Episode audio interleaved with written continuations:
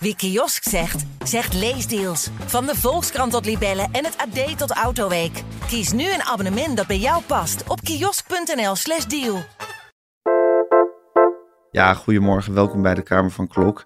De wekelijkse podcast van de Volkskrant waarin we de politieke actualiteit bespreken. Ja, en Pieter Klok, de hoofdstructeur en gastheer van deze podcast en ik zitten helemaal met z'n tweetjes hier in de Kamer.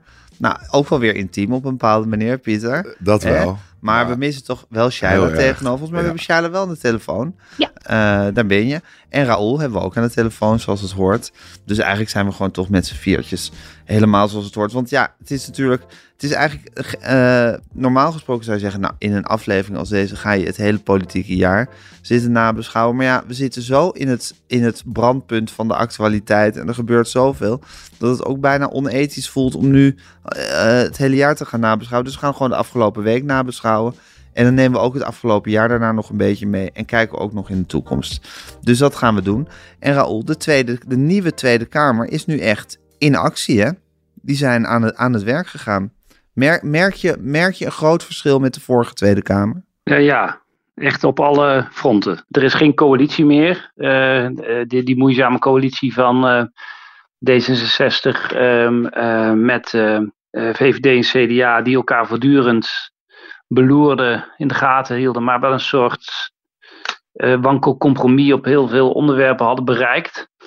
Dat is gewoon helemaal weg. En de, de nieuwe Tweede Kamer, eh, iedereen is weer vrij om eh, eh, te doen wat hij wil. En eh, er is natuurlijk een hele forse nieuwe meerderheid ontstaan.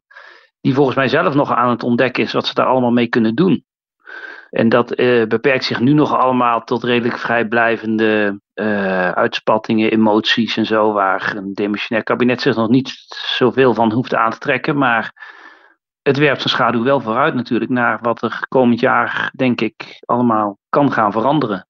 Heel eh, illustratief is het landbouwdebat van donderdag, de laatste dag van het vergaderjaar, waar ja, de nieuwe coalitiepartij, de, de, de formerende partijen, moet ik zeggen, toch duidelijk lieten blijken dat eh, eh, alles wat D66 heeft geprobeerd in het landbouwbeleid te brengen, krimpen van de veestapel voorop, wat hun betreft, niet nodig is. Ehm, en de verhoudingen zijn zo gewijzigd dat de VVD opeens de partij is die nog enigszins het probeert op te nemen voor de natuur. Dat is, eh, ja, dat is dan een teken aan de wand. De VVD moet voor het groene geluid zorgen in deze, in deze formatie. Ja, ja. En wat heel, wat heel grappig is, is dat dan nu dus. eh, kijk, bij dat, dat stikstofbeleid, daar hebben we het al heel vaak over gehad. Het is niet zo dat VVD en CDA in het vorige kabinet dat deden vanuit een overtuiging. Hè? Dat was omdat de Raad van State eh, de bouw had stilgelegd. Eh, en in feite nog steeds. Er is echt alles geprobeerd. Echt alle geitenpaadjes zijn bewandeld. Om te zien of er een juridische uitweg mogelijk is. En de conclusie was steeds: nee, sorry. En daarom is het kabinet het toch maar gaan doen. En nu zijn er dus nieuwe partijen met BBB en NSC voorop. die gewoon helemaal opnieuw beginnen met die exercitie. En gewoon alles opnieuw willen onderzoeken. Ze hebben nou gisteren in meerderheid eh, aangegeven dat ze nieuwe normen willen voor het stikstofbeleid.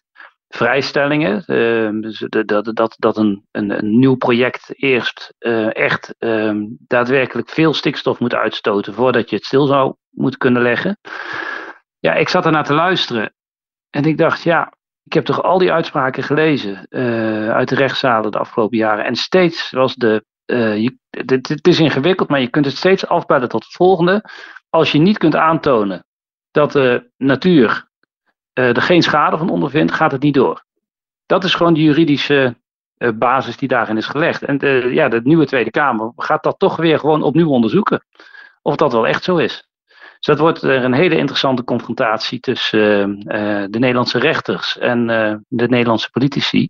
Nou ja, goed, dus ik neem deze er even uit als voorbeeld, maar je ziet het op alle fronten. Je had het vorige week al bij het, bij het immigratiebeleid, bij het begrotingsbeleid deze week. Dat heeft Pieter met groot interesse gevolgd. Ehm, de, ja, de verhoudingen zijn ingrijpend gewijzigd. En je voelde dus in die vorige Tweede Kamer soort, soort de hele tijd dat soort, ja, hoe noem je het, gedwongen huwelijk of verstandshuwelijk of, of schijnhuwelijk, nou, wat voor huwelijk je het ook wil noemen, maar een beetje een liefdeloos huwelijk tussen die coalitiepartijen, die zo tegen heug en meug elkaars beleid aan het uitvoeren waren.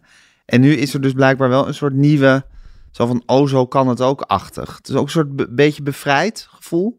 Ja. Voor, voor, de rechter, voor de rechterkant van de, van de Tweede Kamer, die erg groot is geworden. Ja, nee, zeker. Dat, dat, dat is het gevoel. En tegelijk denk je bij alles, uh, uh, zeker bij die grote onderwerpen die langskomen, ja.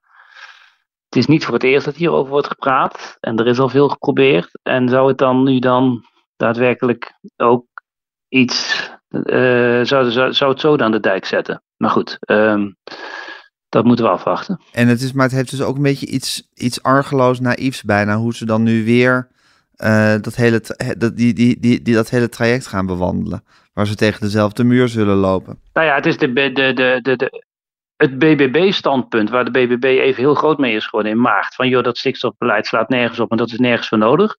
Ja, dat heeft nu eigenlijk gewoon um, um, nou geen meerderheid, want de VVD vindt dat dus niet, grappig genoeg. Ik die zijn ervaringsdeskundigen, die hebben dit al een paar jaar geprobeerd. En die weten dat je dat wel kan vinden en kan zeggen en emoties kan vastleggen. Maar dat er dan weer een rechter komt die zegt, ja maar sorry jongens, we waren toch duidelijk geweest. Um, dus dus dat, dat, dat brengt de VVD nu opeens in die rol van, uh, ja, maar ja, dit is misschien iets al te makkelijk. Er is van de week dagenlang onderhandeld over moties, waarbij vooral de VVD op de rem stond. Dus dat is een interessante positie, hè? En hoe, ja, hoe positioneren zij zich dan als soort van... Nou jongens, het moet wel, het moet wel reëel blijven. Ja, maar ze willen natuurlijk ook weer niet het feestje bederven. Nee, de VVD, want ze willen natuurlijk niet opeens in de positie van D66 terechtkomen. uh, nee, ze willen niet een zure linkse partij gaan uithangen. Nee, nee, nee, nee, precies, ja. Dus er, er, is, er was nu wel een motie en dan er is nu een motie van we willen... Uh, dat, het compromis, dat is heel interessant, is dan we willen uh, nieuwe normen voor het stikstofbeleid, mits de Raad van State het goed vindt. Dat is wel een heel groot voorbehoud. Uh. Maar die gaat het niet goed vinden, toch? Ja. Ja, nee, ja, tenzij, kijk, Yvonne Hofs, onze collega die hier nog veel meer vanaf weet uh, dan wij, uh, zegt ja, zelfs bij de Raad van State weet je het niet, want die uh, zijn wel vaker gedraaid. Ik bedoel, die vinden inmiddels dat ze bij de toeslagenaffaire grote fout hebben gemaakt, terwijl ze het jarenlang het, het, beleid hebben ge, goedgekeurd. Ook rechters kunnen, kunnen bijdraaien. En dat is, misschien is de hoop daarop gevestigd hoor. Maar Vooralsnog is de situatie volgens mij dat, dat, dat nu in de nieuwe Tweede Kamer de juridische werkelijkheid wordt ontkend. En wat ik daar en... zo gek aan vind, als ik uh, mag aanvullen, is dat um, NSC, dus uh, Pieter Omtzigt, de club van Pieter Omtzigt, die heeft heel veel uh, woorden uh, gebruikt om uit te leggen dat wetgeving, het probleem met wetgeving is dat er niet wordt, goed wordt gekeken naar uitvoerbaarheid, naar kan het, naar mag het, naar past het binnen alle kaders en dat er maar wat wordt aangerotzooid in de Tweede Kamer.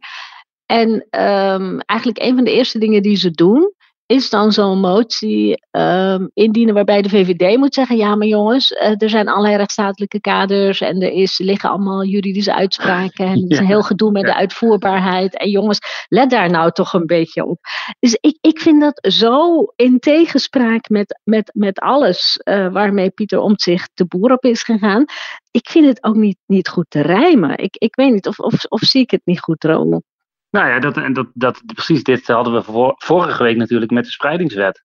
En de oproep ja. aan de Eerste Kamer om de behandeling te staken, waarvan toch iedereen met enige ervaring uh, in de parlementaire verhoudingen zei, ja, dit, dit druist tegen alles in.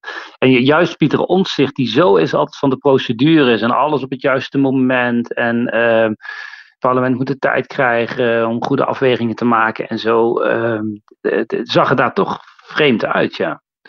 Ja. Dus hij is ook aan het zoeken naar wat eigenlijk zijn positie is in dit nieuwe landschap. Ja, en hoe je al je, hoe, hoe je, al je principes overeind houdt in de voorbijrazende politieke realiteit. En als je het gewoon voor het zeggen hebt en niet alleen maar hoeft te zeggen dat het allemaal niet klopt. Ja, kijk, ik snap wel dat deze, ik, ik snap wel dat, dat, dat, dat, dat deze partijen nu niet naar buiten kunnen met het standpunt. Uh, oh, we hebben er nog eens naar gekeken. Maar trouwens, uh, we moeten toch ontzettend veel uh, boeren tot stoppen gaan verzoeken. Ja, als je campagne hebt gevoerd dat je dat niet wilt, is dat een ingewikkelde boodschap natuurlijk. Maar ik denk nog steeds dat het niet uitgesloten is, gesloten is dat het daar wel op uitdraait. Wat vind je hier nou van, Pieter? Nou, wat wel opvalt is dat Pieter Omzicht volgens mij minder liefde voor Europese regels heeft dan voor Nederlandse regels, zo te zeggen. Want daar heeft al op migratiebeleid willen ze al een opt-out. Uh, dus daar willen ze liever niet onder vallen. Ja, en nu zie je toch ook, ik weet niet of de NRC er ook in mee is gegaan, kon ik het stuk van Yvonne niet uh, lezen. Maar er wordt met dédain over Europa gesproken, want we hebben zo'n soort mest, uh, dus mestbeleid. Hebben we We hebben veel te veel mest in Nederland en dat is al jaren een probleem. En we hebben al, eigenlijk al jaren dispensatie gekregen van, nou, in godsnaam, we zien het, uh, jullie mogen wat extra mest uh, uitrijden. uitrijden. Ja, ja, dat is het goede woord. Uh, alleen daar komt op een gegeven moment een einde aan aan die vrijstelling en dat laat Europa dan weten. En dan zeggen, ja, deze nieuwe politieke bewegingen zeggen eigenlijk, ja, daar heeft Europa niks mee te maken. Ja. Terwijl Europa heeft hier wel iets mee te maken, want die, die zijn verantwoordelijk voor het mestbeleid. Ja. Dus ook daar en daar sput het NRC ook niet tegen. En ik, ik denk dat het ook wel een heel anti-Europese partij is, of, of aan het worden is. Uh, dus dat zie je iets geks. Want de Nederlandse rechters moeten zich wel gewoon aan Europese wetten houden. Dus je zou zeggen dat dat omzicht dat ook ziet en daar ook op wijst. Maar dat, daar, maakt, daar lijkt toch wel een verschil te maken. Ja. Uh, dus dat is gek. En ook wel een beetje zorgelijk. Want als je uh, ja, met DD over dit soort regels over dit soort regels spreekt, wat nog wel, waar je nog wel iets bij kan voorstellen. Beleid wat uit Europa komt, wat heel abstract is, waar je soms ook kan afvragen van Jezus, uh, het brengt wel heel veel beperkingen met zich mee. Maar als je hier uh, met enige minachting over gaat praten, ja, dan ga je natuurlijk, het wordt ook heel makkelijk om over andere uh, rechtelijke uitspraken met minachting te praten. Dus het is wel een gevaar. En ik vind eigenlijk dat Tweede Kamerleden daar wel een beetje voorzichtig mee moeten zijn. Ja. En zeker ook uh, de NSC. Ja, en het lijkt, li li lijkt er toch op dat Pieter om zich ook de ja, de heerlijke magnetische kracht van het populisme niet echt heel makkelijk kan weerstaan. Die, die lokroep. Ja, die lokroep. Ja.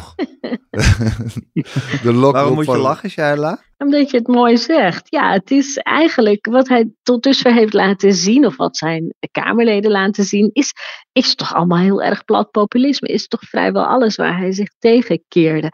Het is een rare man hoor. Weet je, een tijdje geleden, ik weet niet of je dat nog kan herinneren, werd ehm, eh, Van de Plas uitgelachen in de Tweede Kamer, omdat ze een soort gratis biermotie had ingediend. Hè? Iets met. eh, eh, ehm, God, ik, ik heb het even niet paraat. Die was. eh, Dat ging niet over de AOW of zo. Het moest ergens van betaald worden. Het was volgens mij minimumloon. Oh, minimumloon. Oh, Ja, die minimumloonmotie, dat was het. Die was er door Pieter Omtzigt ingefluisterd.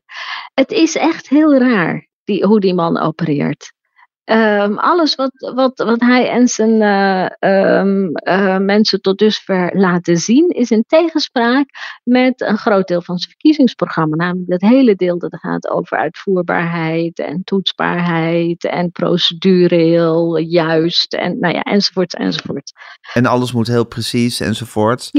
En transparant. Maar hij heeft verschillende emoties. Hij heeft ook altijd nog iets wraakzuchtigs. Dat had hij toen ook bij die motie van Van der Plas. Dat, dat zei hij echt, ja, maar die, die motie van Jesse Klaver was geen haar beter. Ja, Eh, dus hij gaat dan altijd meteen ook naar die andere Wijzen. partijen wijzen... die hem natuurlijk zoveel kwaad hebben gedaan de afgelopen jaar. Dus dat zit er ook in. ja. Hij heeft iets heel... eh, Hij is rankeneus, heeft hij sowieso. Want dat, dat vindt hij alles, komt ook te pas en te onpas weer boven. Ja, en, en dan wordt hij automatisch in het kamp van die andere partijen gedreven. En eh, eh, ja, nou ja, en, en die regelvastheid. Dus er zijn heel veel zielen in zijn borst, denk ik, waarvan die regelvastheid er één is. En die zie je overigens ook nog wel terug, hè, want ik eh, ben wel een fan van Nicolien van Vroonhoven, die nummer twee op zijn lijst, die deed het begrotingsdebat afgelopen dinsdag. En die doet dat wel weer helemaal op de klassieke Pieter Omtzigt manier. We moeten ons aan de regels houden en mogen precies zien waar het geld aan uitgegeven is. Want we moeten wel zeker weten dat het goed wordt besteed. Mhm. Eh, dus dat is er ook nog steeds. Ja. Die, die, die toch eh, dat streven naar bestuurlijke zuiverheid. Want jij bent rode oortjes naar het begrotingsdebat. Nou, niet met rode oortjes, maar je ziet eigenlijk, eh, meestal is het begrotingsbeleid het allerbelangrijkste onderwerp in een formatie. Namelijk, gaan we belastingen verhogen, gaan we bezuinigen. Dat het eigenlijk, die kaders die daarin worden vastgesteld, dat bepaalt uiteindelijk alles. En daar zie je dus een enorm verschil tussen de vier ehm, eh, potentiële coalitiepartners. Want Ja. je hebt de VVD aan de ene kant en NSC, die pleiten voor voorzichtig begrotingsbeleid, juist hand op de knip. En daartegenover ja, is daar toch een beetje de, het gratis bierduo. Eh, ja, dat PVV-programma dat leidt tot een tekort van, van astronomische tekorten.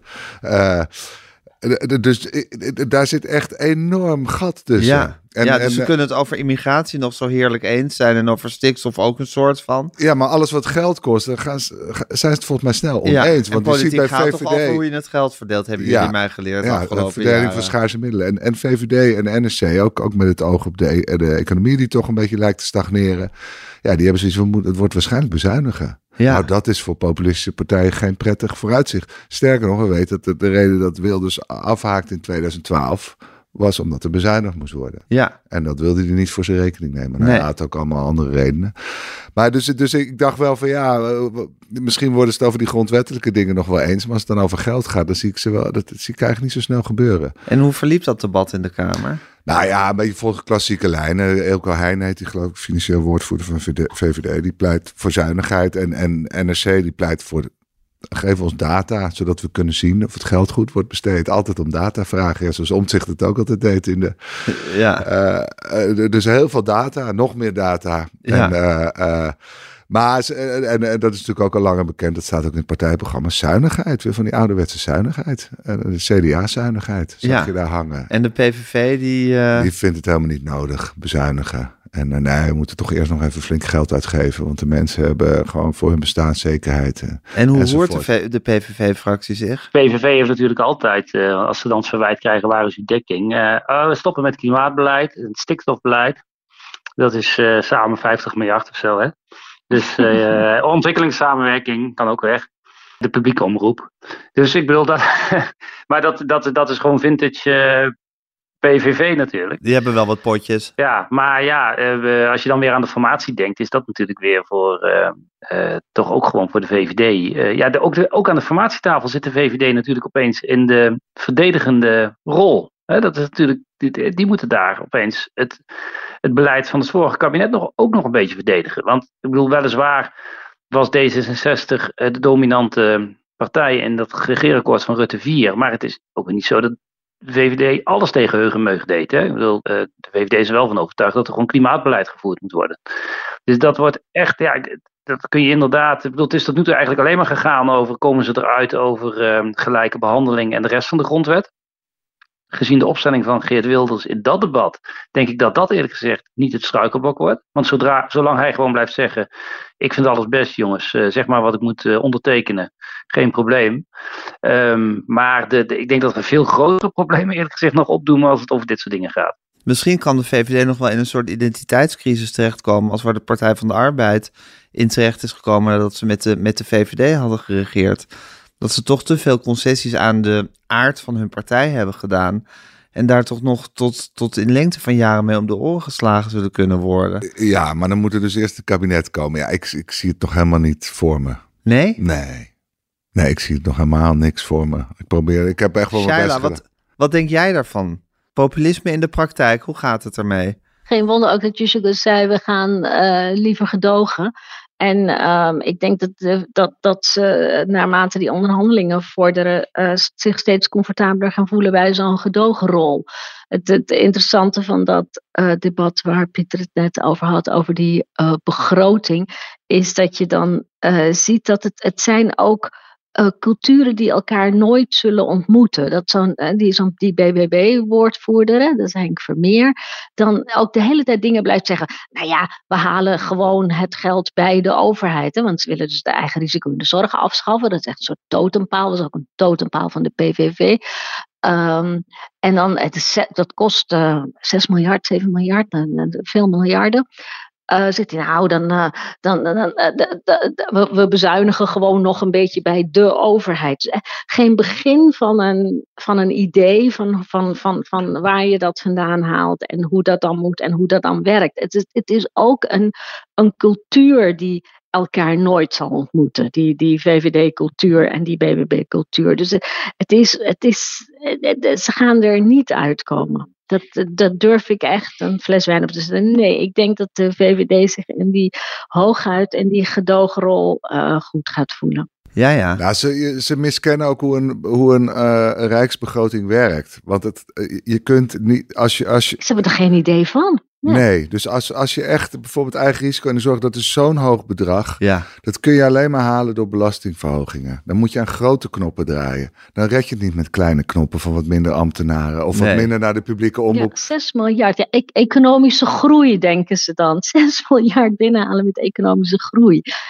Kijk, je, je hebt, je hebt eh, dingen die s- spelen zich af in honderden miljoenen, tientallen Ja. miljoenen. Maar als het over miljarden gaat, dan, dan kan je alleen maar aan hele grote knoppen draaien. ja, Eh, en dat dus doet dan pijn moet, en dan moet de belasting omhoog. ja. En, en dat willen ze volgens mij niet. Nee. Of de zorgpremie. Of de zorgpremie. Maar je moet ergens iets halen. Ja, Zie je de, zie je de krantenkoppen voor je? Kabinet Wilders verhoogt de zorgpremie. ja. Dus we krijgen nu eigenlijk de situatie dat je, dat je de, de VVD hebt. En of ze nou links zijn of rechts, nou goed, ze zijn rechts, maar van welke politieke kleur ze maakt eigenlijk dat het is in ieder geval een ouderwetse, gedegen bestuurderspartij. Die niet, die niet eh, hun, hun eerste rijksbegroting hebben eh, aan het maken zijn. Mhm. En die zitten eigenlijk met een stel soort ja, amateurs. Ja, Die, die, ja, die wilde plannen verzinnend. ja, geen enkele ervaring. Ja, geen benul. En dat, ja, nee, geen ervaring. Maar dat zie je natuurlijk ook in het andere debat over stikstof. Geen ervaring. Dan denk ik, nou ja, we gaan het wel even kijken of we het op een andere manier kunnen doen. En ook, eh, ja, ook, ook niet erkennen dat, dat andere politie en tanden hier al op stuk hebben gebeten. Dus ook weer opnieuw beginnen op heel veel terreinen. Ja. Ja. dat is vrij deprimerend. En de VVD denkt van we willen het dan wel eh, toestaan. Omdat dit nou eenmaal is wat iedereen, wat iedereen Ja. blijkbaar. Maar we gaan het wel van een klein afstandje aanschouwen allemaal. Eh, Ja. Als we überhaupt meedoen. Ik, de, ja, ik zie gewoon geen akkoord. Ik zie gewoon echt geen regeerakkoord. Ja, Nee. op migratie misschien. Ja, Dan gaan we ook grenscontroles invoeren, zoals Duitsland nu ook al doet. En je kan nog wel wat dingen bedenken. Nou, daar gaan ze dan heel erg naar, mee naar buiten. Hè? ja. Zoals je ook in Frankrijk nu ziet, waar Marine Le Pen ook de victorie kraait. Omdat Macron ineens een heel hard immigratiebeleid heeft eh, eh, doorgevoerd. Ja, dat kan. En, en dat Wilders dat gewoon genoeg vindt. En dat hij de rest eh, denkt, nou ja, daar ga ik me verder niet mee bemoeien. Maar ja, dan, dan, dan, dan gebeurt er ook niks. Dan krijgt hij ook zijn eigen risico blijft bestaan. Dus Jij ik weet ziet- niet of dat voldoende is voor zijn electoraat. Oh ja, jongens. Immigratie moeten we het ook even over hebben, zo hè? Zeker, daar gaan we het zo meteen over hebben. Maar jij ziet het akkoord Shaila ook niet, eh, niet, eh, niet ontstaan. Nee, niet als het gaat om, nou ja, eh, eh, wat ik de brood- en boter onderwerpen noem. Hè. Dus gewoon de, de, de rijksbegroting, de zorg, de arbeidsmarkt. Gewoon echt tamelijk fundamentele eh, dingen waar je echt even voor moet gaan zitten en wat je echt even moet doorrekenen. Ik denk niet dat ze daaruit gaan komen. Landbouw ook niet hoor. Nee. Het is, het is een soort sprookjesverhaal tegenover het, het verhaal van, van, van een partij die al bestuurd heeft. En, en, echt, en echt heus niet, eh, hoe heet dat, dat, dat heus niet altijd van harte heeft gedaan. Meegaan met al die, eh, met alle, alle regels die er al liggen. Maar gewoon, het, het, het, het ontbreekt, vooral bij de BBB. Het is toch een beetje Alice in Wonderland. Als je kijkt naar die Kamerleden en hoe ze zich manifesteren. Het is, het is, nou het is heel bijzonder. Hey, en Raoul, je, je eh, riep inderdaad net volkomen tegen migratie, moeten we het ook nog over hebben. Er is natuurlijk in Europa een ja, eh, akkoord gesloten. Wat ja, heeft, heeft, dat, heeft dat een diepe betekenis? Het zal überhaupt niet meteen eh effect hebben, maar ja, wat, wat, wat, zal dat, wat zal dat gaan uitmaken? Mijn eerste reactie toen ik dit onder ogen kreeg, woensdag was het geloof ik, dacht ik, hè, alweer?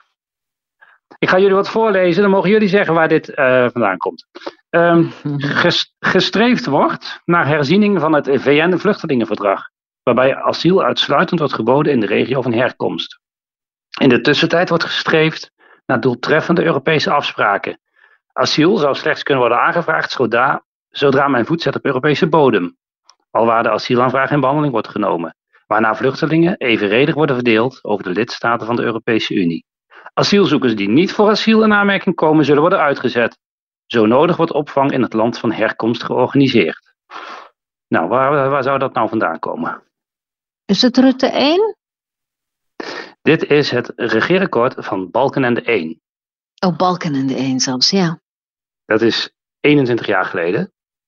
En dit is eh, ongeveer eh, de tekst ook van het migratiepact. Wat eh, in Brussel deze week is gesloten tussen de Europese lidstaten. Behalve dat VN-vluchtelingenverdrag stond er niet in.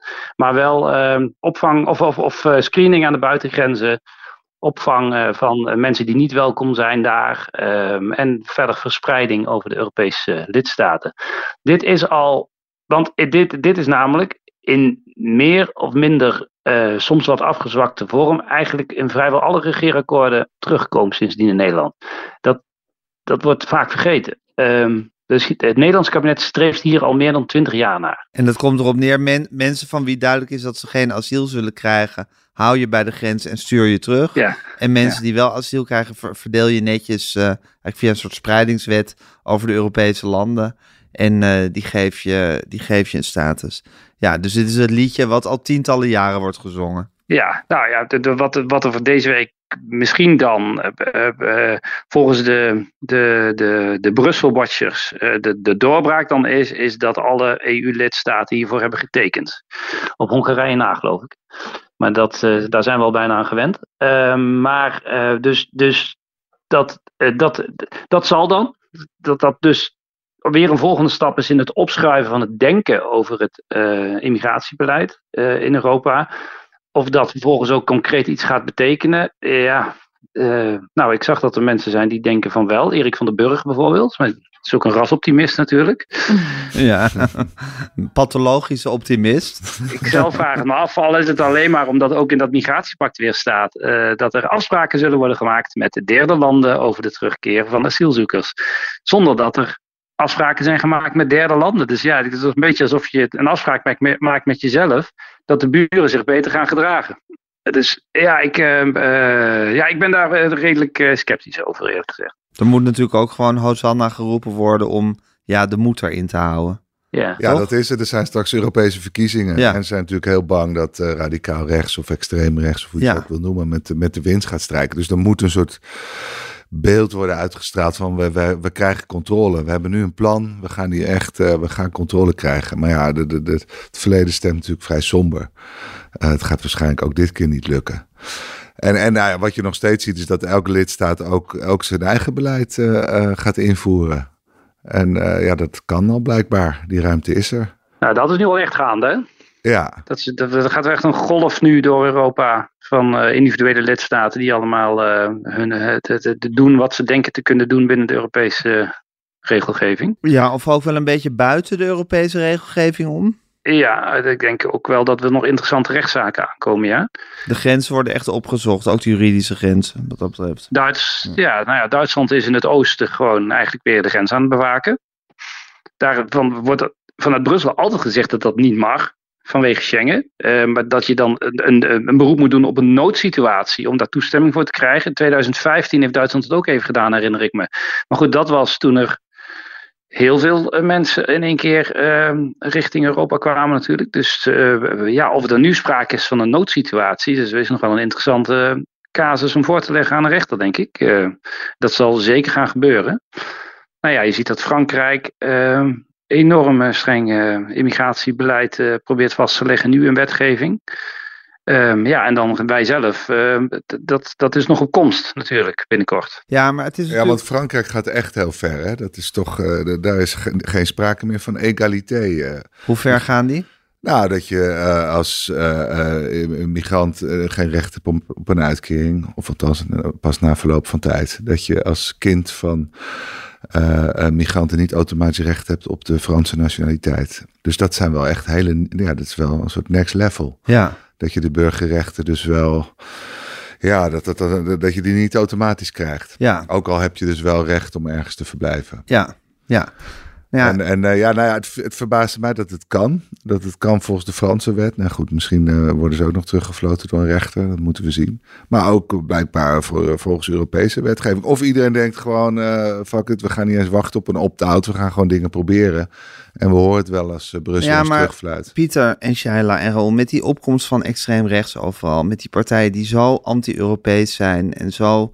Uh, die immigratie. Ik bedoel, het kan toch niet anders dan dat inderdaad die, die lading gaat schuiven op een gegeven moment. Dat dat, dat, dat, dat, dat, dat, dat, dat iedereen zal gaan proberen daar toch enigszins beweging, stappen die kant op te zetten. Ja, maar het is wel wrang. Want, want Europa krijgt dit probleem niet opgelost. Nederland krijgt het probleem niet opgelost. Dus is er heel veel onrust in de samenleving. Daar Mhm. maakt rechts of radicaal rechts misbruik van.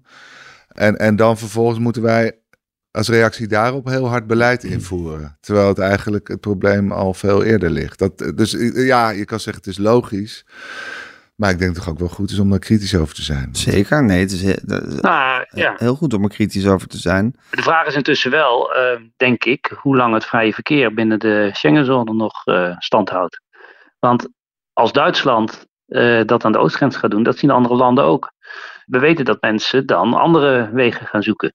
Dus als nu ehm, dan de route via Frankrijk, België en Nederland opeens populairder wordt. En eerlijk gezegd ik heb daar geen bewijs voor, maar wij zitten met een tamelijk onverwachte hoge in, winterinstroom opeens van asielzoekers, die, die niet in de prognoses zat. Hè. Daarom hebben wij op dit moment weer grote problemen in Ter Apel, terwijl we die in de zomer hadden verwacht. Ik weet niet of er nou zakelijk verband is, maar het zou wel kunnen, denk ik. Als we naar Duitsland willen, kunnen we in elk geval niet via het oosten, uh, of via Duitsland of Nederland. Hè. Uh, dus dan moeten we uh, via Frankrijk en België uh, en Nederland. En dat ga je zien. En ja, ik denk dat het, het, is geen moeilijke voorspelling om te zeggen hoe de formerende partijen daarop gaan reageren, toch? Want, als, Duits, als Duitsland het volhoudt, ja, ja, dan staan er binnenkort gewoon weer grenswachten bij Hazeldonk.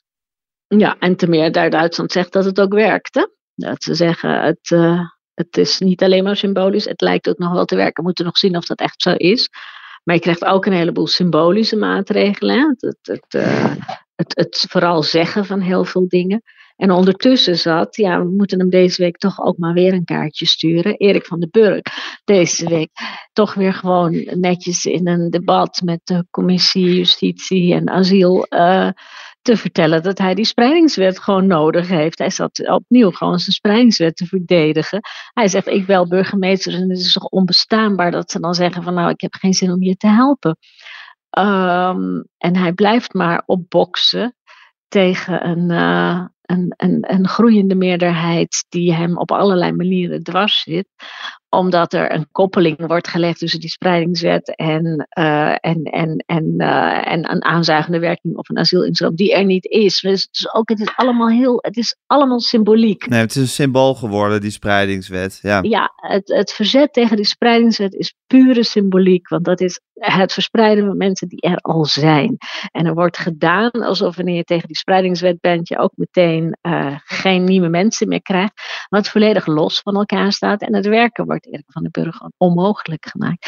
Ik, ik, begrijp ook niet de, de, de vrolijkheid waarmee hij dit blijft doen. Ja, het is bovennatuurlijk hè, bijna hoe hij zich hier onderhoudt. En hoe hij ook maar ja, in, in ieder geval in woord loyaal blijft aan, aan de VVD. Ja, precies. En, en hij, hij, hij, is, hij is blij, weet je, dat, dat nieuwe Europese asiel- en migratiebeleid, uh, uh, waar we het net over hadden, ja, dat is leuk, maar wanneer ga je daar iets van merken? Over één jaar, over twee jaar, over drie jaar? Ik ben niet morgen en niet overmorgen. En er slapen nu gewoon toch weer mensen in sporthallen. Nee, ja, maar, en Raoul voorspelt nooit. Ja, maar dit is natuurlijk de enige geesteshouding die je kunt hebben met deze portefeuille die hij heeft. Zeker. Want anders moet je. Ja, maar dat ze iemand hebben gevonden die zo'n geesteshouding heeft, ja, dat mogen we toch een klein, een klein wonder noemen. Ja. Ja, lot uit de loterij, maar misschien ook, het heeft ook iets, iets mm, tragisch bijna, dat, dat het niet gewoon ja. hij heeft wel een beetje hulp gekregen gisteren van Rutger Groot-Wassink uit Amsterdam. Die toch in ieder geval ja. 300 noodopvang. 300 plekken heeft ja. beschikbaar dus gesteld. af en toe is er nog wel een burgemeester ja. die, die, met hem meeleidt en die hem wil helpen. Nou, wat heel interessant uh, wordt, een van de eerste grote politieke evenementen in het komend jaar is dus de behandeling van de spreidingswet in de Eerste Kamer. Precies. En ik, en ik denk ook steeds van waarom ja. um, wil Van der Burg nog gewoon in de VVD opereren als, als je partijen zo in de steek laat. Maar er is natuurlijk niet één VVD. We weten dat veel VVD-burgemeesters uh, bezwaren hebben tegen de opstelling van de Tweede Kamerfractie. En de grote vraag is hoe de Eerste Kamerfractie van de VVD zich hier gaat opstellen, denk ik. Um, uh, er, er gaan geruchten dat die fractie op zijn minst verdeeld is. Pogingen om daarachter te komen zijn nog gestrand deze week. Want uh, senatoren houden hun kaart op de borst. Um, maar het zou kunnen dat Van der Burg er toch op gokt dat in dat debat gaat blijken dat hij heus niet alleen staat in de VVD. En dan, loopt hij, en dan loopt hij daar natuurlijk wel weer als winnaar naar buiten. Want dan gaan ze namelijk ook nog de wet aan de meerderheid helpen. Daar hangt het hangt op een paar zetels. Hè? Dus een, een paar VVD-senatoren die zeggen: Nou ja, omwille van de bestuurbaarheid van het land lijkt het ons toch verstandig om dit gewoon te gaan doen. Um, ja, dan heeft hij um, tegenover uh, Jezelgus een, een, een, belangrijke politieke overwinning geboekt. Dus misschien dat hij daar toch nog op rekent hoor. En de BBB in de Eerste Kamer, dat is toch ook geen zeker, zekerheidje? Kijk, de BBB heeft lang geaarzeld over die spreidingswet. Um, omdat ze uiteindelijk zitten ze nou inderdaad op die lijn. Hè, de, de Mona Keizer verwoordt dat heel erg eerst minder asielzoekers, dan gaan we ze wel spreiden. Ehm, tegelijkertijd zijn het vooral gemeenten in ehm, de regio's waar BBB eh, sterk vertegenwoordigd is, die nu de zwaarste last dragen. Dus de BBB-kiezers, de BBB-aanhang, zouden erbij gebaat zijn dat die spreidingswet wordt aangenomen. Fascinerend. Het wordt een soort nacht van Wiegel-achtige situatie in, eh, Ja, in de. Eerste Kamer nu. Waarbij het gewoon één, eh, VVD-senator. één of twee VVD-senatoren... Teugen. eh, teugen. Eh, de, het lot van... Oh, voorjaar, sorry. Ja. Nee, maar Wiegel was teugen. Ja, Wiegel zei toen teugen. ja. Ja. Ja. Ja, ja, fascinerend. En dat ging toen over de gekozen burgemeester of zoiets onbelangrijks. Dit is nog Wauw. dit is veel belangrijker. Referendum, toch? Was Over het referendum. ja. Oh, het Ja. referendum, Ja. oké. Ja, ja het, is een, het, is, het is heel spannend. En wat ik nog even wou zeggen, wou ik even aan Shaila voorleggen. Het is toch wel zo dat met al deze verkiezingsuitslagen in heel Europa en de politieke wind die er waait, eh, nu in Nederland en wie weet wat er in Frankrijk gaat gebeuren, dat toch ook wel het, het wezen van de Europese gemeenschap nu ook een beetje op de tocht komt staan, toch? Waarin je elkaar steunt en waarin er vrij verkeer van eh, personen en goederen is enzovoort. Ja, en zeg maar de, de EU als, als inderdaad. en Zo, als waardegemeenschap sowieso, maar dat staat natuurlijk al heel lang onder druk met die belabberde opvang in Griekenland. Ehm, de EU als, eh, als, als grenzeloze gemeenschap, een soort open grenzen, dat staat ook al heel lang onder druk. Ehm, eh, hiervoor waren het de drugs. Frankrijk sloot ook al de grenzen met Nederland, omdat er te veel drugsrunners heen en weer gingen. Dat is heel lang geleden. Dus het is ook altijd een, een, een soort uh, gebleven. Uh, je ziet nu de begrotingsafspraken sta, zijn helemaal uh, losgelaten en versoepeld. Je ziet die hele EU, zeg maar allerlei grondvesten waar de EU ooit op gebouwd was, zie je, zie je verschuiven en verschrompelen en veranderen. En nou ja, we krijgen een heel ander soort EU. Het is, het is heel gek. Je, we, we hadden door die oorlog in Oekraïne dat je nog dacht van nou, dit is zo'n existentiële dreiging voor de hele Europese samenwerking. En dan zag je ook wel onze enorme beweging naar nee, we moeten het samen oplossen. Ook dat uh, begint uit elkaar te vallen. Ik ben uh, heel benieuwd naar uh, wat het gaat worden het komende jaar. Ja, en dat kan natuurlijk wel echt zo gaan kantelen, het sentiment. Ja. Als er steeds meer lidstaten zijn die gewoon zo'n terugtrekkende beweging maken. En toch op heel veel gebieden iets hebben van nou, liever niet. Of we onttrekken ons er een beetje aan. Of wij willen onze eigen koers varen. Ja, dan kan het natuurlijk ineens gewoon een soort verdampt zijn. Dat uh, gevoel nou ja. van eenheid waar het allemaal op moet drijven. Ja, het, het VK blijft natuurlijk wel Um, zeg maar, een van de zegeningen van de Brexit was dat het Verenigd Koninkrijk nu toch een soort afschrikwekkend voorbeeld is van wat een ellende je je op de hals kan halen als je uittreedt. De handel hebben ze er spijt van, uh, de, de, lange wachtrijen. De, het idee was, nou hebben we eindelijk greep op migratie. Nou ja, er komen allerlei wonderlijke voorstellen, maar er is niet minder migratie naar het VK. Dus het VK is wel een heel goed laboratoriumvoorbeeld van dat je het in je eentje ook niet kan. Maar die, dat, dat sentiment wordt wel aangewekt, ook, ook in Nederland. Hè? Van nou ja, misschien moeten we het dan in ons eentje proberen. En niet voor niets heeft de PVV een Nexit in zijn programma staan. Die heftigheid van die electorale verschuivingen die je nu ziet. Mm -hmm. in, in Duitsland, waar geloof ik de drie coalitiepartijen net zoveel stemmen hebben als het CDU bij elkaar. En maar ietsje meer dan de AFD. Dat is, zijn natuurlijk enorme bewegingen. Enorme ja. krachtige bewegingen. In Frankrijk net zo. Daar is Marine Le Pen, die staat natuurlijk ook voor in de peiling om president te worden. Dus elke land, en dit zijn de twee grootste, machtigste landen van Europa, wordt geconfronteerd met een enorm, ja, je zou kunnen zeggen, gevaar. Namelijk rechts, radicaal rechts aan de macht. Ja. Ja, en als je daarmee geconfronteerd wordt, ja, dan ga je natuurlijk heel snel denken ook over toch wel wat radicalere maatregelen om dat af te wenden, dat Tuurlijk. gevaar. En, Mhm. en dus je ziet landen nu heel snel opschuiven. Ja. En, en je hoeft dus helemaal niet meer uit die EU. Want je kan voor iedereen gaat aan die regels morrelen. Ben ik van Precies. overtuigd. Iedereen gaat denken, dus meer- zal wel, zal wel met Ja. dat vrij verkeer.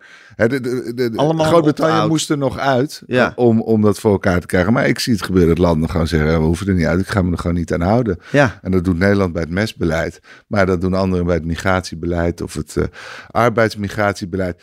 Ik maak me daar wel grote zorgen over. Hoe snel je nu landen ziet Ja. bewegen. En dan wordt het een holle organisatie natuurlijk. Nou, dat is er wel een gevaar. Ja. En uh, we hebben natuurlijk ook bij Denemarken gezien die zijn handen vrij had op migratiebeleid. Ook heel veel symboolwetgeving. Eerst zeiden ze, we pakken al jullie juwelen af als je hier uh, asiel aanvraagt. En toen, we sturen je dan naar Rwanda als je je aanvraag in behandeling is. Dus ja, dat zal je ook nog zien de komende tijd. Allemaal dat soort maatregelen, die vooral een soort uh, symbool afschrikkende werking hebben. Ja. Maar ja, de, ik, ik, vrees wel dat er krachten loskomen die we niet eerder hebben gezien. Door, Nee. die, door die, nogmaals, doordat die populistische partijen zo enorm de wind in de zeilen hebben. Ja. Overal. Overal. Nou ja, en wat je zag in het eh, eh, voorlopige resultaten van het NKO, het, het, het, grote Nederlands kiezersonderzoek, hè, dat is wat na elke verkiezing en eh, vlak voorafgaand de verkiezing en vlak na de verkiezing wordt gedaan, er worden heel veel kiezers gepeild van waarom heb je nou gestemd en op wie en waarom en hoezo en waar kom je vandaan.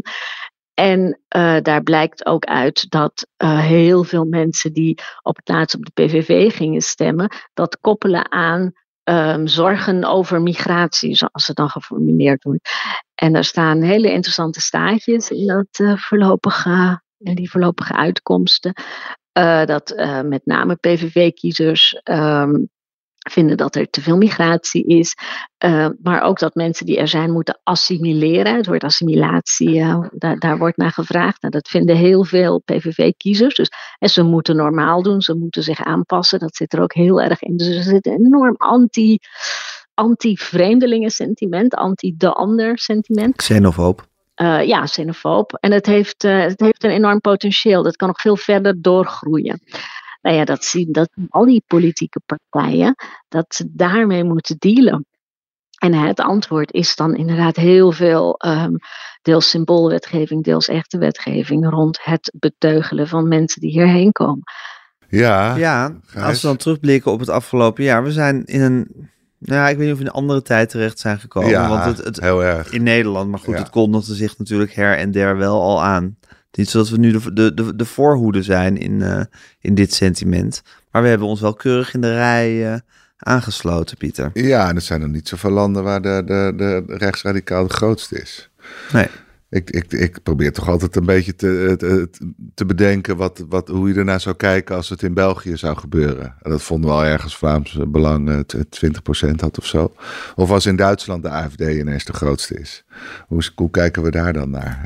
Als je van, van dicht af, eh, vorige ook gezegd, van, van dichtbij ziet alles er minder eng uit dan als je wat grotere afstand naar kijkt. Ja. Maar ja, die, die, die, die enorme krachten van dat populisme, ja, die zijn nu voor het eerst echt toch wel doorgebroken. Ja. Uh, en, en, ja, en, dat, en dat gaat heel veel in beweging zetten, toch? Op elk terrein. Ja. En niet alleen maar uh, ten goede. Nee.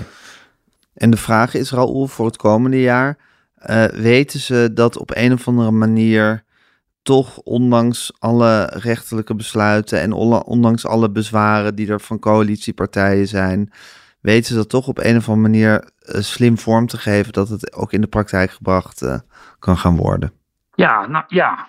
Kijk, en de keerzijde van de verkiezingsuitslag is natuurlijk dat er. Um, waarschijnlijk zijn er ook heel veel mensen die hier hoop door hebben gekregen. Sterker nog, um, je moet uh, opiniepeilingen buiten verkiezingstijd echt met een hele grote korrel zout nemen. Maar het is toch wel opvallend dat PVV de in alle peilingen nog een flinke sprong heeft gemaakt na de verkiezingen. Dus voor zover je zou denken, uh, misschien hebben mensen in een opwelling iets besloten en denken ze nu, oh, was het wel zo verstandig, nu ze zien hoe moeizaam die formatie gaat. Dat is gewoon niet het geval. Iedereen die, uh, uh, dat kunnen we in elk geval zeggen, de mensen die op 22 november op Wilders hebben gestemd, vinden dat nog steeds een heel goed idee. Dus dit is een, dit is een, een, een niet mis te verstaan signaal. En die mensen zullen hopen dat er nu iets merkbaar wordt van dit geluid. En die kans is er natuurlijk, gezien die meerderheid in de Tweede Kamer. Uh, nou ja, maar dan kom ik weer terug bij het begin. Het probleem is waarschijnlijk dat ja, er zijn heel veel praktische bezwaren.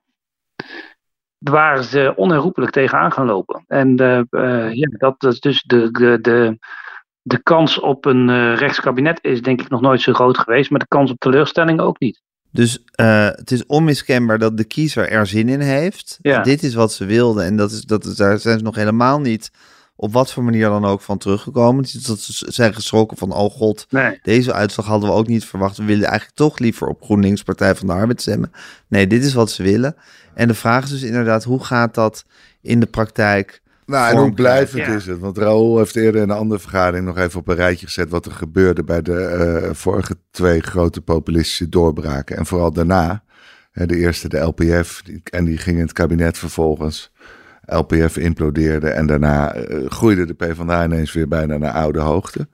Nou, hetzelfde gebeurde eigenlijk in 2012. Hè, toen wilde ze weer in het kabinet, weliswaar als gedoger.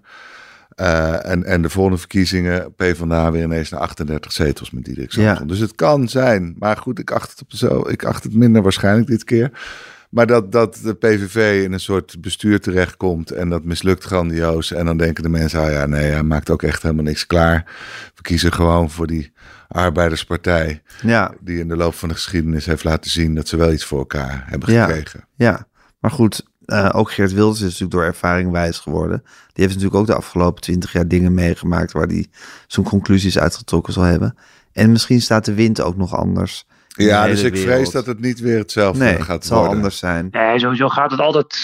Sowieso gaat het altijd net weer wat anders, inderdaad. Dat is waar. Ik, overigens, ik denk ook, ik, ik weet ook niet of de PvdA nou zou gaan profiteren als eh, Geert Wilders eh, eh, mislukt als premier. Als de PvdA was, zou ik nergens op rekenen. Het was in eerste instantie inderdaad, dat, dat, dat, dat ging mis in de campagne. Het was vooral de SP hè, die profiteerde van Wilders in Rutte 1. Eh, Emiel Roemer, eh, die toen opeens tot astronomische hoogte groeide. Dus dat er zijn natuurlijk meer kapers op de kust. Ehm, en kijk, het is wel zo, het is een enorme eh, radicaal rechts eh, verkiezingsresultaat, de PVV. Maar het is ook niet zo dat die kiezers per se op Geert Wilders hoeven te stemmen. Want in maart zaten ze nog bij Van der Plas. En Ja. twee jaar, drie jaar daarvoor nog bij Thierry Baudet. En ehm, eh, het, is ook natuurlijk, eh, oh ja, nou ja, dat hebben we gedaan, hè, die zwerm bijen die steeds ergens eh, anders neerstrijkt. Ehm, Wilders kan ze ook wel weer zo kwijt zijn, dan is het sentiment niet weg. Maar dan zit het opeens wel weer bij een ander. En eh Shaila, hoe voorspel jij dat het, dat het, dat het zal gaan? Je ziet, jij ziet dus geen akkoord tussen die partijen? Nou, geen, geen makkelijk voor de hand liggend akkoord. Nee, je ziet een akkoord met hangen en wurgen, wellicht. Nou ja, en, en waarschijnlijk met een onorthodoxe constructie. Met een partij bijvoorbeeld als de VVD, die blijft volhouden van ja, we gaan hier niet onze vingers te zeer aan branden. Dus we willen een soort gedoogachtige constructie. Met omzicht die misschien toch zegt van nou laten we dan eh, ministers van elders aandragen. Want eh, dat, dat, daar hebben we het ook al uit een treuren over gehad. Als de PVV gaat meedoen aan een kabinet, hebben ze helemaal geen mensen die dat kunnen bemensen. Dus we- er zal hoe dan ook iets onorthodox uitkomen. Iets met, met, met, met gedogen, iets met toch een minderheid, iets met, met ministers die van buiten erbij worden gehaald. Iets wat we nog niet eerder hebben gezien. En wat Ja. eh, waarschijnlijk op het gebied van migratie veel grote woorden en, en, en veel symboolpolitiek-achtige maatregelen zal bevatten. En op economisch gebied, ja, ik denk, ja, Raoul noemde het woord teleurstelling al. Dat zal er zeker in zitten. Weet je, afschaffing eigen risico in de zorg. De AOW naar 65, die stond er ook nog in. in eh, in het verkiezingsprogramma van de PVV. Dat zijn allemaal dingen die gaan niet gebeuren. Je kan op je hoofd gaan staan, maar het is niet te betalen en het gaat niet gebeuren. Dus ook dat, weet je, de, de, de, mensen gaan er gewoon niet zo heel veel van merken in hun economische, sociaal-economische positie.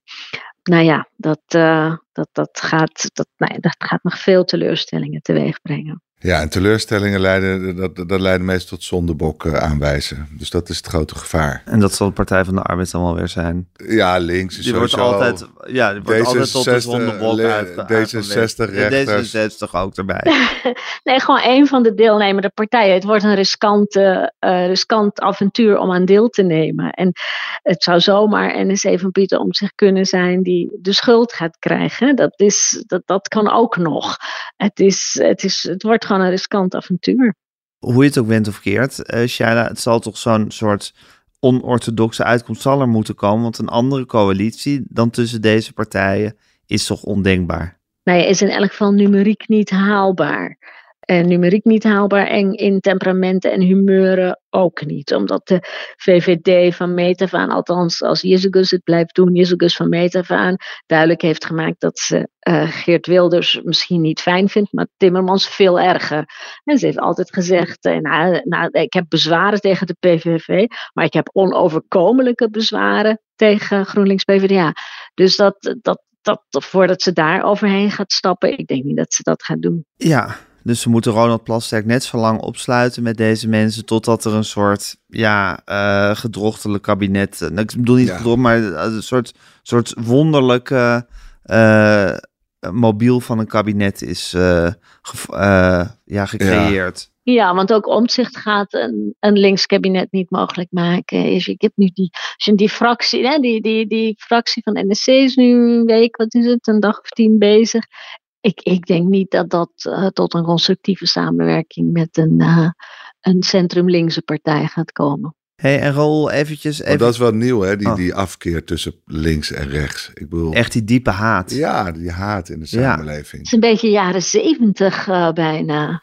Ja, was dat toen ook haat? Ik, ik heb daar toch al iets vrolijker gevoel bij toen Wiegel nou, en Den ja. Eh, met elkaar nou. de degens kruisten. Er was enorme polarisatie. Hè? Dat waren echt de jaren van de polarisatie. Ja, maar ik, ik heb een heel vrolijk idee. Ja, maar dat is gewoon dat een vrolijke tijd voor jou, omdat het gewoon je jeugd was, Pieter. Oké. Ja, dat was, niet Dat je moeder daar natuurlijk allerlei leuke associaties bij heeft. Ja, ja maar Wiegel die zei dan zegt, de, de, de, het, Sinterklaas bestaat, daar zit hij. Dat was toch ook grappig? Ja, goed, de hele, de, hele, de hele toon was anders. Maar ik geloof wel dat de weerzin tussen de rechtse okay. partij en de Partij van de Arbeid wel oprecht heel groot was. Dat zit heel diep. Wat, wat denk jij daarvan, Raoul? Nee, ik heb een traumatische jeugdherinnering. Mijn, mijn vader toen hij jong was, leek erg op Wim Kok toen hij jong was. Echt? Uh, ja, echt waar. Ja, ja.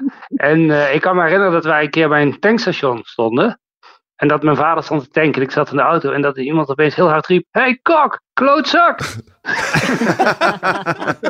dus zo leuk was het allemaal niet in die jaren.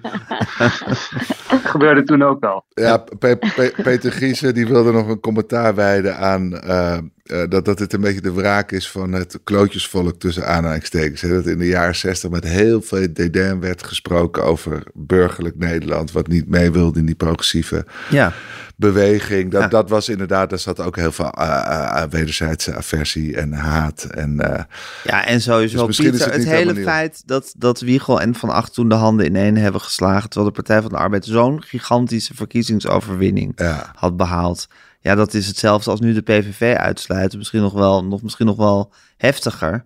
Dat is natuurlijk ook wel gewoon echt een soort... Maar dat toch Frans Timmermans en Jezielkus op een gegeven moment in Libisto-ket gaan zitten. Met z'n tweeën en dan zeggen we doen het zonder Wilders. Wij zien het niet gebeuren. Ja, nee, maar goed, het, was wel, het is wel nogal een daad. Kijk, het is een, er is een meerderheid hè, um, van zeg maar het midden.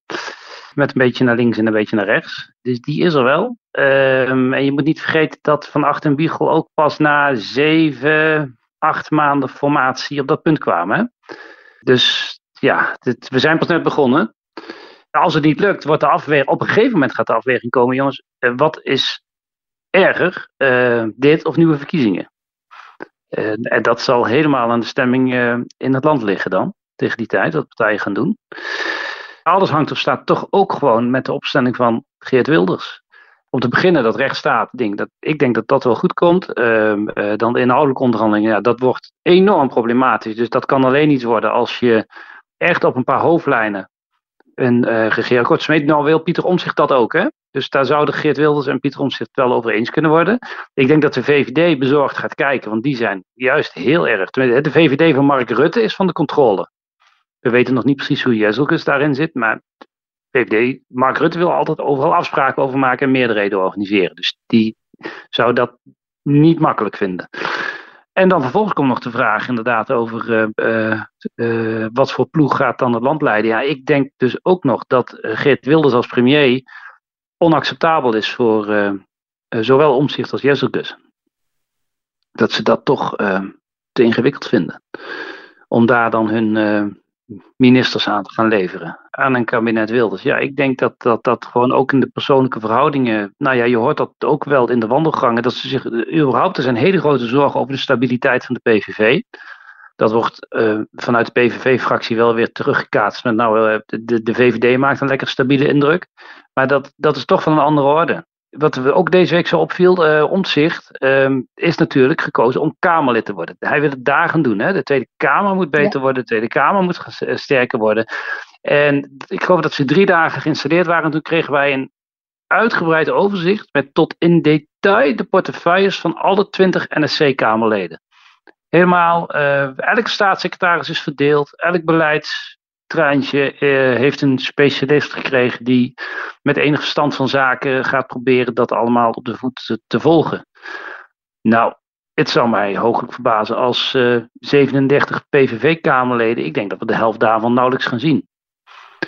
Omdat die Wilders gewoon geen idee wat hij daarmee moet. Uh, dus de, de hele, ook de hele parlementaire houding, en het, het, waartoe zijn wij op aarde als partij, uh, is, zit, is zo ontzettend verschillend tussen deze twee nieuwe bewegingen. Dat het, het, is onoverbrugbaar, denk ik. En dat gaat zich dan dus in het premierschap van, van, als, van Wilders of zo, uh, wordt toch heel, ook heel erg symbolisch voor wat voor kabinet dat wordt. Ik denk dat Pieter zich daar gewoon niet mee kan instemmen. Zoals u ook al het democratisch gehalte van die partij en de hoe doorzichtig alles is, uh, ook al geheel tegen zijn principes uh, indruist. Ja, dan ja. krijg je dus een, een premier van een partij zonder interne partijdemocratie. Ja. Namens, namens Pieter Omtzigt, die vindt dat alles transparanter en beter controleerbaar moet zijn. Ja, maar goed, we hebben dus gezien dat Pieter Omtzigt ook vrij makkelijk kan transformeren van de ene kant naar de andere kant. Dus je weet het niet, uh, ja. Ron Koenhaas van. Dat is waar. We gaan hoe dan ook een machtig interessante uh, uh, verkenningsfase. Of we zijn nu uit de informatieronde en eventueel daarna formatieronde mm. uh, tegemoet. Die kan best wel heel lang gaan duren. Kan het zijn dat we helemaal nog geen premier hebben als we hier volgend jaar rond de kerst zitten of nog geen, alleen nog een demissionair? ja, dit kan natuurlijk best gewoon een jaar gaan duren. Of is dat ondenkbaar? Belgische toestanden. Ja, ja dat zou wel nou, ongekend zijn. En de vorige hè? formatie ja. heeft toch ook maanden en maanden en maanden geduurd in Nederland? Ja, ja. Ja, is bijna. Ja. ja, je weet het niet. Ik denk dat het heel, heel 299 dag, dat was. Wat denk je? Heel lang. Ja, nou, wie weet. Ja. Hoe er dan volgend jaar bij zit. We kunnen nog heel lang genieten van Mark Rutte. Ja. ja. Die NAVO, dat, dat is toch in juli volgend jaar al? Dus ja. dan, dan, moet hij, dan moet hij weg, toch? Dat dan hij naar er... die NAVO moet. Ja, hij ja. heeft er wel belang bij dat er dan een kabinet is. Uh, want dan moet die, die arme Kaag moet dan uh, premier ad interim ad interim worden. Sigrid Kaag, de demissionaire premier. Ja, terwijl die, uh, nou ja, die, die gaf onlangs een interview aan met het oog op morgen. Die kan niet wachten om hier weg te gaan. Dus ja, wie, wie moet het dan doen? Nee, maar ik denk staatsrechtelijk gezien dat de grootste demissionaire premier gewoon, partij gewoon de premier levert. Dus dan mag de VVD het beslissen. Stel die dat moeten we, dan dat een opvolger van Mark Rutte aanstellen. Jezelgus wordt dat dan. Ik denk dat Jezelgus dat demissionair premier wordt, ja. En dan doet ze het zo aardig dat, men, dat, dat ze dan op een gegeven moment in die onderhandeling zeggen... nou weet je, word in godsnaam dan ook maar gewoon premier van een nieuw kabinet. Oh ja, nou, oh ja, dat wil ik nog zeggen. Dat is waar. Kijk, ja. dat, dat, dat premierschap werpt ook zijn schaduw vooruit naar de volgende verkiezingen. Ik las uh, nog een interessante beschouwing van Maurice de Hond, die erop wees dat elke populistische revolt in Nederland steeds volgt op een afscheidnemende premier. Uh, dus na uh, Kok, na Balkenende en na Rutte kregen wij enorme gekke verkiezingsuitslagen. Zodra er dan weer een premier is, zelfs als dat misschien niet de meest begenadigde politicus is, uh, denk aan Jan-Peter Balkenende, dan hebben Nederlanders toch de neiging om zich rond de premier te scharen. En dat brengt dan wel enige rust. Ook hier uh, weet ik niet of de geschiedenis zich zal herhalen, maar het is wel een patroon. Dat betekent dat de partij die de premier mag gaan leveren, echt een enorm wapen in handen krijgt. Electoraal. En een vooruitzicht op veel betere verkiezingen. Dus zou Wilders dat nou aan een andere partij gaan gunnen? Dat is de keerzijde van wat ik net zei. Dat, dat zij denk ik Wilders niet gaan accepteren. Dat geldt uh, ook uh, uh, andersom. Of aan een politicus die niet het zichtbare uithangbord van de PVV is. Grappig bijvoorbeeld Ronald Plasterk werd ook al genoemd als mogelijke premierskandidaat voor de PVV. Nou stel hij wordt dat. Hij is natuurlijk niet het gezicht van de PVV. Nee. Straalt het dan op de PVV Straalt het dan wel genoeg op de PVV Hij af? kan ook geen lid worden. En hij kan dus, geen lid worden, nee. Nee, nee. nee. Dat is ook gek. Ja, nou, je krijgt toch een partij van nee, de normaal, arbeid, moet, normaal moet de minister toch altijd dan nog even lid worden van D66 of zo. Ja, maar moet dat of is dat meer een formaliteit? Ja, ik weet het ja. niet. Ja, ja. meer dat partij. Nee, dat hoeft ja. niet. De politieke partijen bestaan niet in onze staat. Hè? Maar... Nou goed, jongens. Maar we hebben ook nog Mona Keizer. We hebben nog hè? maanden en maanden om hierover te praten. We hebben ook nog Mona Keizer. Als mogelijke premierskandidaat. Je, je, je, hebt gewoon alle mogelijkheden ben je afgegaan, Pieter. En dan is Mona Keizer wat de rest. En we zijn bij Mona Keizer Ik uitgekomen. zet mijn geld, we gingen nog verder toch? Ik zet mijn geld op Mona Jongens, Keizer. misschien worden al onze praatjes geheel gelogen gestraft en staat er gewoon over drie maanden een stralend kabinet op het bordes met eh, Geert Wilders als premier. Je weet het niet. Je weet het niet hoe het ineens kan gaan. Nee, toch? nee, je weet het niet. Dat, eh, Jongens, we sluiten het af voor dit jaar. Eh, de Kamer van Klok 2023. Het, was, ja, het, zijn wel, het, het, zijn, het zijn wel tijden om een podcast te maken hè, over politiek. Zeker. Halleluja. ja, het film. was wel heel enerverend. Een film kan je er ook over maken. Het was heel enerverend. Eh, we gaan ook weer een enerverend jaar tegemoet. Heb- Hebben jullie hebben we nog slotwoorden, jongens? Heb jij slotwoorden, Pieter?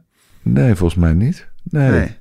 Moeten goed op blijven letten. Shaila? Ja, gewoon altijd oog op de bal en vrede op aarde. Oog op de bal en vrede op aarde. Nou, dat zou wel fijn zijn. Vrede op aarde. Ja. Zeker zouden we daar zouden we daarvoor tekenen. En Raoul? Nee, ik wou nog eh, voorspelling doen. Maar die heb jij eigenlijk namelijk al gedaan. Ik denk inderdaad dat Ronald Plasterk premier wordt. En dat zou toch een eh, ontzettend formidabele uitkomst zijn eigenlijk van een verkiezingsuitslag dat er een PvdA minister-president wordt. Eh, hoe dat dan eh, vervolgens met Ronald Plasterk en het zijn lidmaatschap van PvdA en GroenLinks verder gaat, is wel een eh, vraag, denk ik. Maar eh, ja, ik zat gewoon, als je gewoon alle opties afstreept, is dit denk ik uiteindelijk voor alle betrokkenen de minst slechte. En Ja, dat hebben we dan ja. te danken aan Grom van Strien. Ja, Want als die, wel. als, als, als, als die gewoon niet, eh, niet zich zo raar had gedragen. ja. Als hij die niet was gaan gaan graaien, dan graaien, wa- ja. waren ze nooit bij Plasterk uitgekomen als, Ja. eh als ja, verkenner. Ik vroeg het laatste aan hem van waarom hij zijn lidmaatschap van de PvdA eigenlijk niet al lang heeft opgezegd, als hij zo kritisch is. Maar toen zei hij, ja, maar er komt altijd een betere reden om je lidmaatschap op te zeggen. Ja. Maar dat je premier kan worden, dat is wel echt de ultieme reden om dan je lidmaatschap op Maar te waarom moet hij zijn lidmaatschappen opzeggen? Ja, ik weet hem niet of het een formele regel in, Oh. in, in de grondwet is dat je, dat je lid Nee. moet zijn van de partij namens wie je in het kabinet Oké, zit. Nee. Nee, nee, nee. Nee, eh, partij, partijen hebben, hebben helemaal geen, eh, geen formele functie. Nee hoor, dat kan gewoon. En dan gaat de PvdA hem enorm omarmen. Nee. En zeggen, het is van ons. Nee, nee, nee. En dan. Want Plasterk doet dit allemaal puur uit pesterij, dat, eh dat lidmaatschap. maar misschien zijn er wel eh, meer PvdA's die minister Ja. willen worden in het Maar- kabinet Plasterk. Ja, zeker, ongetwijfeld. Maar jij, denkt, jij, jij, eh, jij zet je geld op, eh op Plasterk in als, eh, als de volgende premier, eh, Raoul.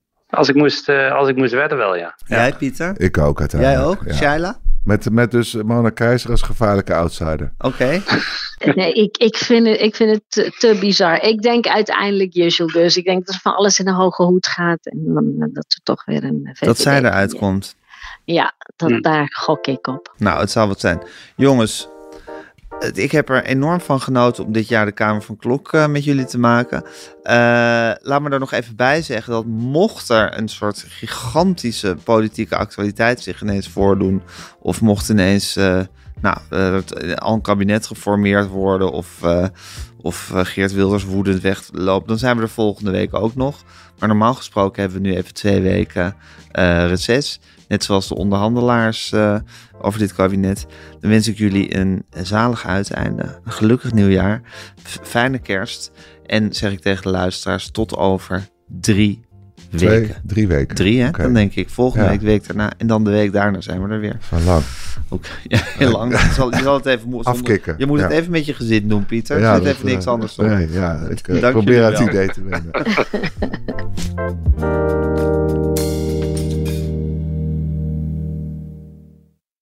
Wie kiosk zegt, zegt leesdeals. Van de Volkskrant tot Libellen en het AD tot Autoweek. Kies nu een abonnement dat bij jou past op kiosk.nl/slash deal.